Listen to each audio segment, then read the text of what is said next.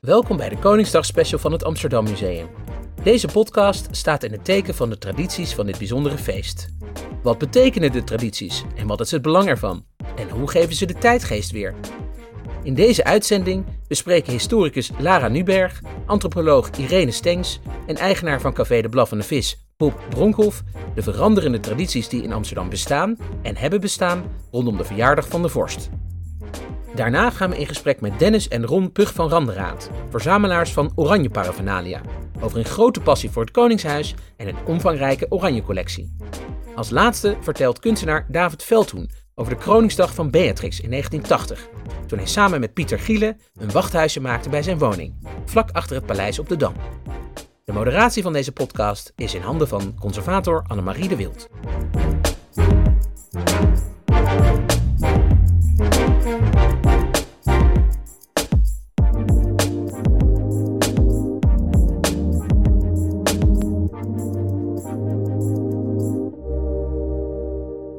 Goedendag, mijn naam is Annemarie de Wild. Uh, welkom bij deze Koningsdag special van uh, AM Live. Uh, we gaan hier praten over ja, veranderende tradities. En nou, we beginnen met drie mensen die hier aan tafel zitten, die daar op hun, allemaal op hun eigen manier iets over gaan vertellen.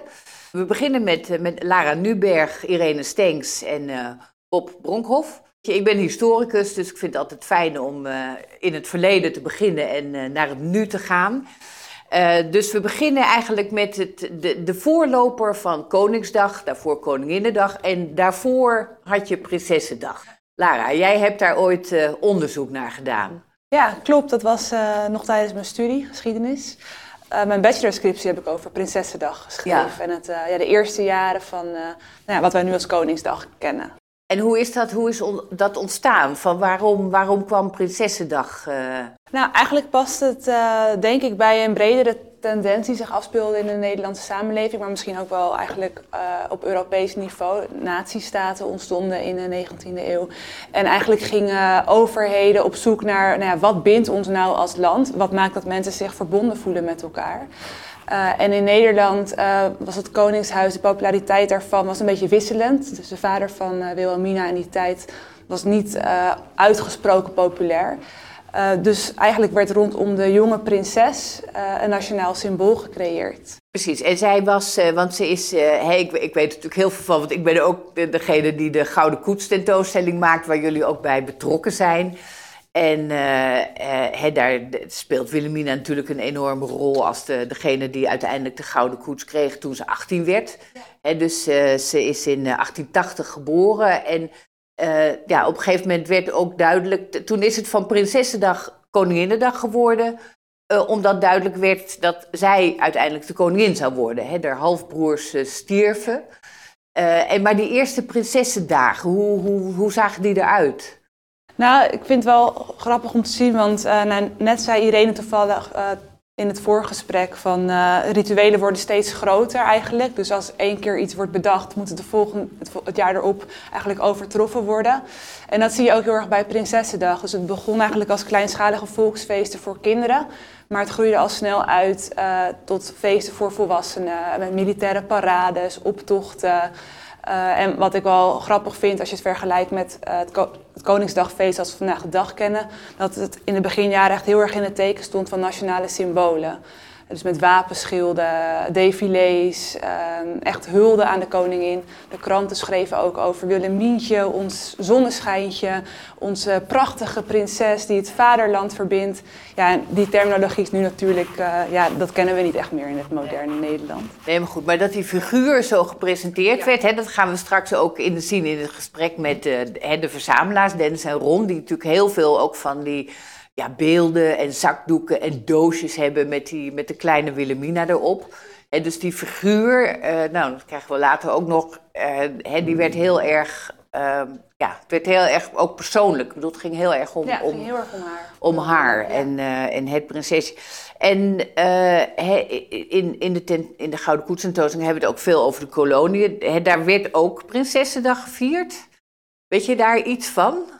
Ja, ik vond het heel grappig, want toen ik studeerde, nou, dat was dan bijna tien jaar geleden inmiddels, toen had ik helemaal geen oog voor die koloniën. Dus uh, ook om mijn eigen scriptie weer terug te lezen onlangs, het deed mij ook heel erg beseffen van, hé, hey, wat grappig dat uh, nu zijn we echt gewend om te praten over empire, over het Koninkrijk Nederland. En toen was ik echt heel erg op het eilandje, of tenminste op Nederland aan de Noordzee gefocust. Uh, maar natuurlijk, ja, het Koningshuis speelde ook uh, in de verbinding met de kolonie een hele belangrijke rol. Het is een eenheidssymbool, dus het werd ook ingezet in de kolonie om de verbondenheid met het vaderland aan te duiden. En um, ja, ik denk al dat er een verschil is tussen de West, dus Suriname en het Caraïbisch gebied en Nederlands, voormalig Nederlands-Indië. Um, want in de West werd dat echt wel grootschalig gevierd. Het heeft ook te maken met het onderwijs het Nederlandse onderwijs dat daar uh, beter ja, geïntegreerd raakte eigenlijk onder iedereen van de bevolking. Terwijl in Nederlands-Indië was het onderwijs toch nog, het Europees georiënteerde onderwijs toch nog voornamelijk uh, bedoeld voor de Europese elite en de adel, de lokale adel.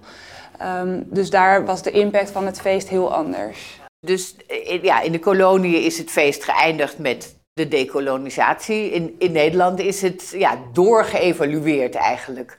He, want uh, Irene, hoe, uh, uh, ja, als, je, als, je door, als je gaat kijken naar die tradities van, van hoe zich dat ontwikkeld heeft in de loop van de 20e eeuw, wat, wat valt jou als antropoloog op? Ja, nou als antropoloog begin ik altijd graag vanuit het heden en kijk terug naar het verleden. Heel dus goed. Dus, maar er zijn wel een aantal belangrijke transities geweest. Um, bijvoorbeeld, ten eerste is het belangrijk dat um, het hele idee, zoals dat nog tot en met uh, Juliane was, dat er een défilé was. Waar de, uh, een deel van de, eigenlijk de schoolgaande jeugd uit Apeldoorn langs uh, ging. Dat, dat is eigenlijk bijvoorbeeld verdwenen. Ja. Dat, en nu ja. gaat het koninklijke gezin op stap in de landen en daar worden dan extra spelen georganiseerd. Dat is slechts één dimensie. Ja, nee, precies. Want je had inderdaad ook van die, van die kinderen die dan overal ook ja, bij het Voortstadhuis liedjes uh, gingen zingen. Ik kan me dat vragen dat ik dat als kind ook nog wel gedaan heb. Ja, dat is een beetje verdwenen. Hetzelfde ja. wat je beschrijft met dat, um, die, dat hele, ja, die, die hele um, taal rondom de, het nationale symbool is wel, een, is wel verdwenen. En dat hoort daar eigenlijk ook bij, ja. die praktijk. Nee, precies. En, en toen Beatrix koningin was, heeft ze ervoor gekozen van ik ga, ik ga het land in. Ja, in plaats dus dat van dat belangrijk... het land naar mij toe komt, ga ik het land in. En, uh, dus dat is dan één dimensie. Ja, ja. en dat werden dus ook hele, hele. Ja, precies. En, en, en verder, wat, nou, wat, wat ik dus al zelf, wat mij dus eigenlijk wel opvalt, kijk, het is zo dat Koninginnedag in de tijd was dus ook vaak met uh, alle leuke spelletjes en voor kleine kinderen en zo. En dat groeit dan uit, wat je zegt. Maar op een gegeven moment wordt het dus echt ook een grote vrijmarkt en dat soort dingen, waarbij dus ook volwassenen allerlei dingen gaan doen. En dat in die zin is het een soort van sport en spel voor iedereen geworden. En um, wat ook interessant is, is dat die Prinsessendag, die verhoudt zich ook tot het, um, eigenlijk het willen inperken van de niet onbeschaafde vermaken, zoals rondom de kermis en zo. En dat, is, um, dat vind ik dus wel een beetje ironisch of zo, zou je haast kunnen zeggen. Want het is nu echt één grote kermis geworden. Dus dit beschavingsoffensief is eigenlijk wel mislukt, zou je kunnen zeggen. Nee, het is ook, en ik vind dan inderdaad speciaal in Amsterdam. Uh, hè, we gaan het straks ook nog even hebben over nou, de, hè, de meest bijzondere Koninginnedag, eigenlijk de inhuldiging in, uh, in 1980. Maar wat ook een heel bijzonder moment was, uh, was in 1988, toen Beatrix spontaan naar Amsterdam kwam. Ja, dat is een iconisch moment natuurlijk. Hè, dat, dat, De monarch in het volk en dan ook nog de omhelzing in de ja. Jordaan. Ja, ja zo di dichterbij kan de kus, ja. De kus in de Jordaan. Dichterbij kan de monarch niet bij het volle komen. Nee. Dus het is wel ja, een, nee, ik, weet, ik weet ook, ik was inderdaad met een bootje aan het varen, wat iedereen altijd deed op de koning. En, en op een gegeven moment kwam die boot voorbij rijden, varen met, met Beatrix. Uh. Ja, ik heb haar zelf toen nog ook nog van vlakbij gezien. Ja, ja dus... en, en, en, die, en die kus in de Jordaan was natuurlijk ook uh, ja, in, in zekere zin een, een soort ja, verzoeningskus met, met Amsterdam. Omdat dat natuurlijk die inhuldiging vrij uh, tumultueus uh, verlopen was. Kan je wel stellen, ja, want het ja. was toch wel een compleet veldslag. Maar wat ik ook vaak ook wel interessant vind in Amsterdam is, jij zegt het is kermisachtig, maar het is ook vaak ja, een soort spotternij met, met het Koningshuis. Hoe, hoe, hoe zie jij dat? Ja, zeker. Het is dus eigenlijk die hele, um, laat zeggen, die, die beetje die verhouding van ons koningin en het beleefde, zou, zullen we zeggen. Hè, de, dat is eigenlijk wel verdwenen. Het gaat om allerlei ja, haast carna carnavaleske uitdrukkingen. Ja, uh, antropoloog zegt dan, ja, dat is een geval van omkering, waarin je dus eigenlijk precies dat wat het allerhoogste is, mag een beetje omlaag gehaald worden en bespot worden. Dat is één ding. Aan de andere kant is het een hele vriendelijke spotterij gemiddeld. Uh, dus wat dat betreft is het ook weer heel erg relaxed. Nee, het is, het is ook een soort omkering. We, hebben zelf hier in het museum een, een replica van Café Het Mandje. Dat was ook uh, de, de Koninginnedag is natuurlijk in het Engels ook Queen's Day. Dus heeft natuurlijk ook een, een, aanduiding voor homoseksualiteit. De dag waarop uh, ja, mannen met mannen mochten dansen, vrouwen, vrouwen met vrouwen. en, en het wordt bijvoorbeeld in de reguliere straat wordt het ook altijd ongelooflijk uitbundig gevierd. Ja, dus het leidt heel erg, de verkleedpartijen, die zitten daar eigenlijk op allerlei manieren aan verbonden. Ja. En ik, er is nog wel een andere dimensie die belangrijk is om mee te nemen. Is dus dat het hele um, aankleden in oranje, dat hangt ook samen bijvoorbeeld met uh, het optillen van die kleur. Uh, met de komst van de kleurentelevisie, waardoor er ook bijvoorbeeld oranje reclames uh, komen. Bijvoorbeeld, ik geloof dat Mora, van die kroketten en zo de eerste oranje reclame. En dan verweeft dat ook een beetje met uh, het voetbaloranje natuurlijk. Dus als je je kist uh, voetbaloranje spulletjes hebt voor het EK, kan je die even later weer voor Koninginnedag uh, gebruiken. Nou ja, dat, zeg maar, dat enigszins spottende en, en uitvergrotende, dat is natuurlijk bij de blaffende vis heel erg aanwezig. Bob Brokhoff van, hey, je bent sinds een aantal jaren eigenaar van het café. Ja, sinds 2005. 2015 en je hebt het, uh, dat vind ik heel mooi, je hebt het zeg maar overgekocht met de traditie en al. Ja, kan ja. jij iets vertellen over, die, over de, de, de koningin, een van de tradities, Koningsdagtradities van Amsterdam? Nou, die traditie is eigenlijk ontstaan in uh, 1996. Toen heeft de, de vorige eigenaar heeft toen het café overgenomen.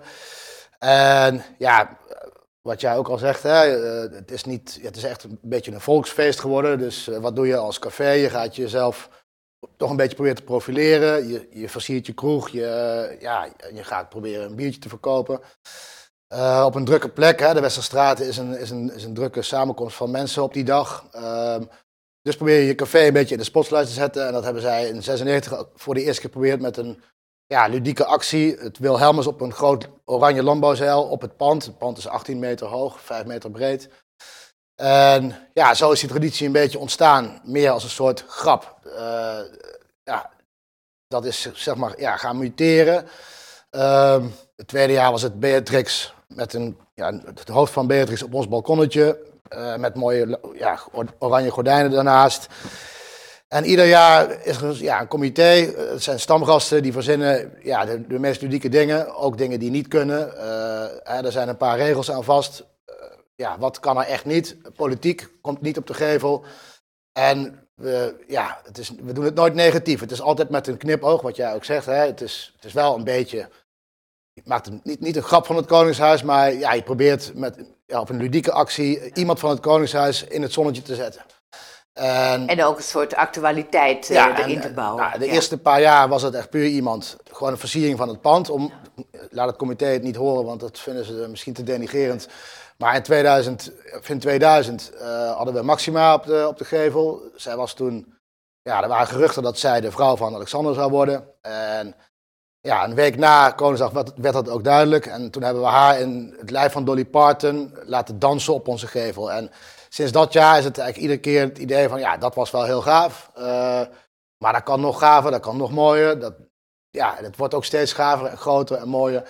Dat comité wordt ook steeds ietsje groter, dus er komen steeds meer mensen bij die, ja, die, die bepaalde expertise hebben. Ik heb een vaste gast die heeft een stickerbedrijf. Dus iemand ontwikkelt het op de computer, die stuurt het door naar het stickerbedrijf. Ja, en, en die ja, maakt die maakt En, en, en uh, is jullie wel eens te oren gekomen wat het Koningshuis er zelf van vindt? Uh, ja, via via. En uh, dat is- ook de reden waarom we het echt altijd eh, puur en alleen proberen grappig te houden met een knipoog.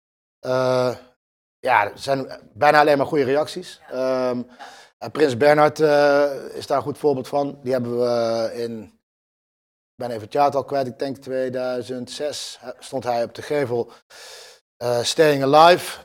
Met zo'n iconische afbeelding. En uh, ja, er is, een, er is een foto van een klein fotootje op, ja, op zijn tv, op zijn privéjacht van onze gevel. Dus ja, dat geeft wel aan dat, dat ja, de reacties in de Koningshuis gewoon goed zijn. Ja. Ja, nee, het is inderdaad een prachtig voorbeeld van, van ja, uitvergroting. Van het, wordt steeds groter. Ook die onthulling, die, hè, de, de, de, Ja. de, de nacht daarvoor. Ja. Dit, dit jaar is dat natuurlijk heel lastig. En Amsterdam, de stad Amsterdam, om, omhelst die dit? Of, eh, Ja, zeker. We- ja, het, het is geen, geen promo-praatje voor het café, maar door, doordat wij die traditie hebben laten ontstaan en hebben ja, laten evolueren, komen er ieder jaar ook steeds meer mensen. Om 12 uur onthullen wij dan het beeld. Hè. Dat is ook een ding, want je kan het eigenlijk niet onthullen, want het is zo groot. Het hangt er eigenlijk al om 5 uur. Dus het, eh, ja, de media zit daar al bovenop.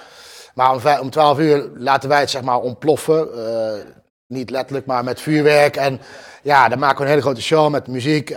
Eh, ja, mensen weten dat. En de Westerstraat op dat punt is eigenlijk gewoon echt een verzamelplek om 12 uur om ja, dat feest te, beginnen. Dus wij zijn echt een plek waar mensen verzamelen. Om 12 uur kijken ze naar onze show en dan gaan ze vervolgens de dag in. ja. En eh, hebben jullie alles, want eh, de, de Gouden Koets is natuurlijk ook een echte Jordaan eh, legacy. Ja. Hebben jullie alles een Gouden Koets gehad? eh? Nou, die is heel vaak voorbijgekomen Ja. in een ontwerp. ja, we hebben natuurlijk, Max Verstappen is bijvoorbeeld een goed voorbeeld. Die heeft het heel vaak niet gehaald. Die zit wel ieder jaar in het comité. Daar moeten we iets mee. Hè? Maxima Verstappen, daar kan je een hoop woordgrappen op verzinnen. Eh, en dan een Formule 1 wagen v- vervangen voor de Gouden Koets was een idee. Ja, tuurlijk eh, komt dat voorbij. Eh, en tot, tot op heden heeft hij eh, die koets het nog niet gehaald. Maar ja, nou, het kan, het kan, het kan nog hopelijk, komen. hopelijk gaan we volgend jaar weer echt iets bouwen aan de gevel. Ja. Want dat kan dit jaar niet. En wie weet is die koets een keer aan de beurt. Ontzettend leuk om jullie hier aan tafel gehad te hebben. We gaan nog even door met het programma. Jullie blijven nog even zitten. We gaan nu eh, in verbinding met eh, Dennis en Ron, verzamelaars van oranje objecten. Nou, welkom via de Zoom. Dennis en Ron, Poeg van Renraad. Ik, heb, eh, nou, ik ben al een paar keer bij jullie thuis geweest, dus dit is, ik, weet wat zich daar achter jullie bevindt. En eh, ja, Dennis en Ron eh, hebben weer, weer veel contact, eh, omdat we bezig zijn met de Gouden Koets tentoonstelling. En jullie hebben een fantastische verzameling en het is ook geweldig dat we daar een aantal dingen uit in bruikleen kunnen krijgen voor de tentoonstelling. Ehm, kan je beginnen met iets te vertellen over jullie verzameling? Waarom, waarom zijn jullie gaan verzamelen en waarvoor heb je dit verzamelgebied gekozen? Ehm, ik ben in 76 naar eh, Nederland gekomen, vanuit Groot-Brittannië, als IC-verpleegkundige in Andreas. En ehm, toen ik wegging uit eh, Londen heb ik een, een mok gekregen van een, een goede vriend van ons. Ehm, ja, het was het zilverjubileum van, van eh, Elisabeth. Hij zei, nou als je heimwee hebt, drink hier een kopje thee uit en dan is de heimwee weg. En ik deed heel veel nachtdiensten in het Andreas en ik eh, raakte in gesprek met een, een, assistent die eh, heel veel geschiedenis had gestudeerd. En toen kwam het over het Nederlands Koninklijk Huis, waar ik niks van begreep. Gewoon stadhuideloos tijdperk, Bataafse Republiek. eh, ehm, nou ja, noem maar op allemaal. Dus ik ben me daarin gaan verdiepen. En langzaam maar zeker kwam ik ehm, bij dat kind koningin Wilhelmina.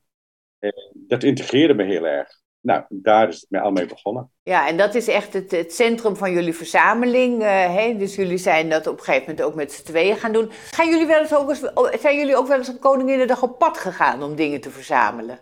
Ja, zeker. Ja, elk Ja. jaar. We gingen eh, vijf uur de, de stad in en eh, verschillende gedeeltes. En op een gegeven moment weet je waar de goede spullen te vinden waren. En ehm, we hebben één exemplaar van iets wat wij toen gevonden hebben. Ja, ja. Dat Het is is een, een klompje, Oh, geweldig. 23, Ja, het jubileum. ja. Maar goed, we hebben in de loop der jaren een heleboel dingen gevonden, maar dit is een van de leukere, zeg maar. Ja, ja, nee, en, en het is, eh, nou ja, ik weet het, de- jullie verzameling is fantastisch en is natuurlijk ja, heel erg met Wilhelmina begonnen. En, en het is natuurlijk ook, het is, het is een soort ja, materiële geschiedenis van, van ja, volkscultuur ook. Hè. Wat, wat verzamelen mensen, wat vinden, ze, wat vinden ze interessant en belangrijk en... eh, ja, van, van heel erg mooi en prachtig tot gewoon hele, ja, inderdaad zo'n zo'n eenvoudig eh, klompje en, en soms zelfs ook behoorlijk lelijk. Hè, maar dat, dat, dat, dat is verder ook niet eh, belangrijk. We gaan het zo meteen hebben ook over eh, ehm, eh, de, de, de inhuldiging van Beatrix. Hè, jullie, jullie waren daar zelf ook bij. Ja, wij, Kan je daar iets over vertellen? wij stonden om vier uur s'nachts op de, op de Dam. helemaal vooraan. En wij zijn in verschillende publicaties geweest de dag daarna. In, ehm, ook in Forsten met, met, een kleurenfoto. En we hebben de hele dag mee, we een tas vol met, met eten en drinken bij ons. We hadden een vriend uit Australië die was op bezoek. Dus hij vond het ook geweldig. We hebben alles meegemaakt. Alleen het drinken, dat was een beetje moeilijk, want je kon natuurlijk niet weg om te plassen, want door die menigte heen. Ja. Dus dat, dat was wel even een dingetje, maar het was wel een hele belevenis om mee te maken. Toen waren we jong en um, ja, dat, dat, dat, dat lukte wel toen. Dat zou niet meer, niet meer lukken. Nee, dus jullie zijn ook echte, hoe, jullie zijn echte koningshuisliefhebbers. Absoluut, ja. Klopt, ja. Monarchisten zijn we. Ja. Monarchisten, ja. ja. We hebben nu ook inderdaad, nu al in het museum, een heel mooi eh, miniatuur gouden koetsje uit uh, jullie verzameling staan. Dat ja. uh, wordt binnenkort ook uh, onderdeel van, van de Gouden Koets tentoonstelling. Dus ja, ontzettend leuk om met jullie even op deze manier gepraat te hebben. Ik hoop dat we elkaar binnenkort weer live zien en, en dat we dan ook inderdaad dat, wat, wat objecten naar het museum gaan halen voor de opening van de tentoonstelling. En uh, ik wens jullie een, een mooie, ja, mooie Koningsdag. Dank jullie. Dank je wel. En tot ziens. Tot ziens. Dag. Dag. Welkom uh, David Veldhoen op de Zoom. we hebben het net al een paar keer gehad over 1980. Hè, een van de meest memorabele Koninginnedagen in, in Amsterdam. Uh, binnenkort in de tentoonstelling uh, over de Gouden Koets gaan we ook het wachthuisje laten zien, uh, wat jullie toen gemaakt hadden. Kan je daar iets over vertellen? Waar woonde je toen en, en wat was het idee achter dat wachthuisje? Nou ja, we hadden natuurlijk het handelsbladcomplex gekraakt. En dat was net aangekocht door de gemeente. En dat is een gebouw achter, achter het paleis? we, we, zijn eigenlijk, we waren buren van de Oranjes eigenlijk. We konden bij wijze van spreken, als je op het dak stond, dan kon je in de wc van de, de Oranjes kijken. Um, een beetje overdreven, maar goed. In elk geval, we hebben die uh, wachthuisjes gemaakt. Bewoners rond het paleis mochten eigenlijk, uh, eigenlijk op slot. Het was, het een soort van oranje viertel uh, op dat moment. Het was een prachtige dag en waren die huisjes bedacht. Met name Peter had het bedacht eigenlijk, moet ik eerlijk zeggen. Ik had zelf een heel groot schutterstuk geschilderd. Dat hadden we aan de gevel gehangen. Dat zie je nu, uh, jullie prachtige galerij van het Amsterdam Museum. En uh, dus dat, dat was allemaal in elkaar geflanst. En wat, en, wat en wat, deden jullie? Nou, we wisselden de wacht. Hè? Dus we waren een soort van anti- wachters uh, ten opzichte van de, de wachters aan de andere kant van het uh, paleis, een soort concurrenten bijna. Dus we, wisselden de wacht met onder luid geschal van hoepenpaarmuziek, een soort marsmuziek. En dan gingen we fluiten met fluitjes en we hadden een soort van helmpjes met handjes erop. En nou, dan wisselden, wisselden we de wacht. En ehm, heel af en toe dan kwamen we naar het paleis toe met een zilveren dienblad met taartjes erop. En uh, dan gooiden we die taartjes tegen het paleis. En die agenten wisten echt helemaal niet wat ze ermee aan moesten. Want die, ja, die raakten helemaal van de kook. Hè? Die waren wel helemaal zenuwachtig geworden en fluisterden tegen elkaar. En uh, wisten echt niet wat ze moesten doen. En, uh, maar er gebeurde gelukkig niks. En, Want het was natuurlijk elders in de stad, uh, werd er behoorlijk, ging het er heftiger aan toe. Hadden jullie dat door, wat er toen gebeurde? Het was natuurlijk het, een van de ja, meest heftige momenten in de kraakbeweging in Amsterdam. Wisten, wisten jullie dat toen je daar stond? Totaal niet. We waren echt totaal eigenlijk afgesloten hè, van de rest van de stad zo'n beetje. Het was een hele mooie dag. Dus uh, ja, uh, na, na, na onze performance, zeg maar, dachten we van nou, nu is het al genoeg geweest. We gaan eventjes de stad in. En toen ontdekten we pas later, toen we in Burger waren, bij wijze van spreken, dat er van alles aan de hand was. En ik weet nog wel dat we naar de, de Engelbewaarders zijn gegaan op de Kloof. En um, ja, dat we dat wat gingen daar heftig aan toe. Er werd echt een charge uitgevoerd en zo. Terwijl, terwijl we daar een pulsje zaten te drinken. En we horen natuurlijk over verhalen op het, op het, uh, op het Waterloopplein en zo, dat er een uh, ME'er van zijn paard af was getrokken en al dat soort dingen. Dus het, dus het is eigenlijk een wonder dat er geen doden zijn gevallen. Heel goed. Nou, het was, het was ontzettend mooi om, uh, om jouw verhaal erover te horen. Wat, wat doe je meestal met Koninginnedag? Heb jij een, of Koningsdag? ik ga lekker op, op mijn tuin zitten.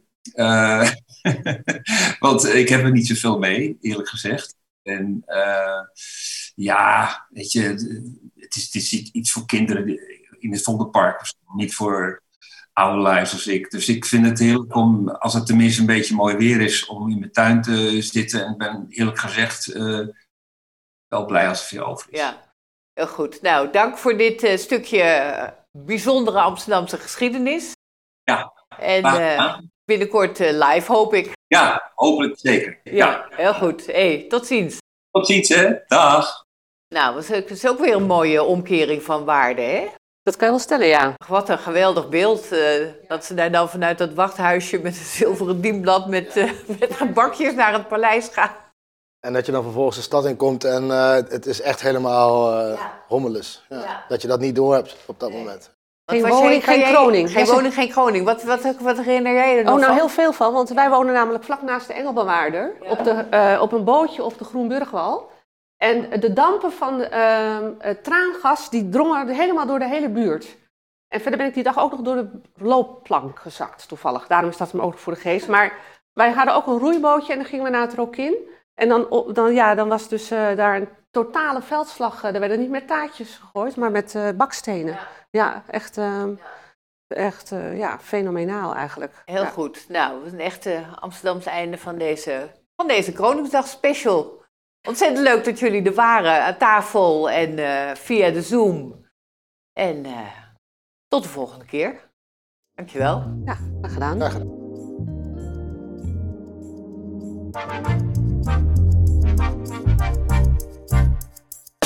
Dit was de Koningsdag special van het Amsterdam Museum. Wil je de hele uitzending terugkijken? Dan kan dat op onze website www.amsterdammuseum.nl. Als u wilt reageren op deze podcast, dan kan dat door te mailen naar podcast@amsterdammuseum.nl. En we vinden het heel leuk als je een review kunt achterlaten op iTunes. Dank aan alle gasten en aan jullie voor het luisteren. Tot volgende week.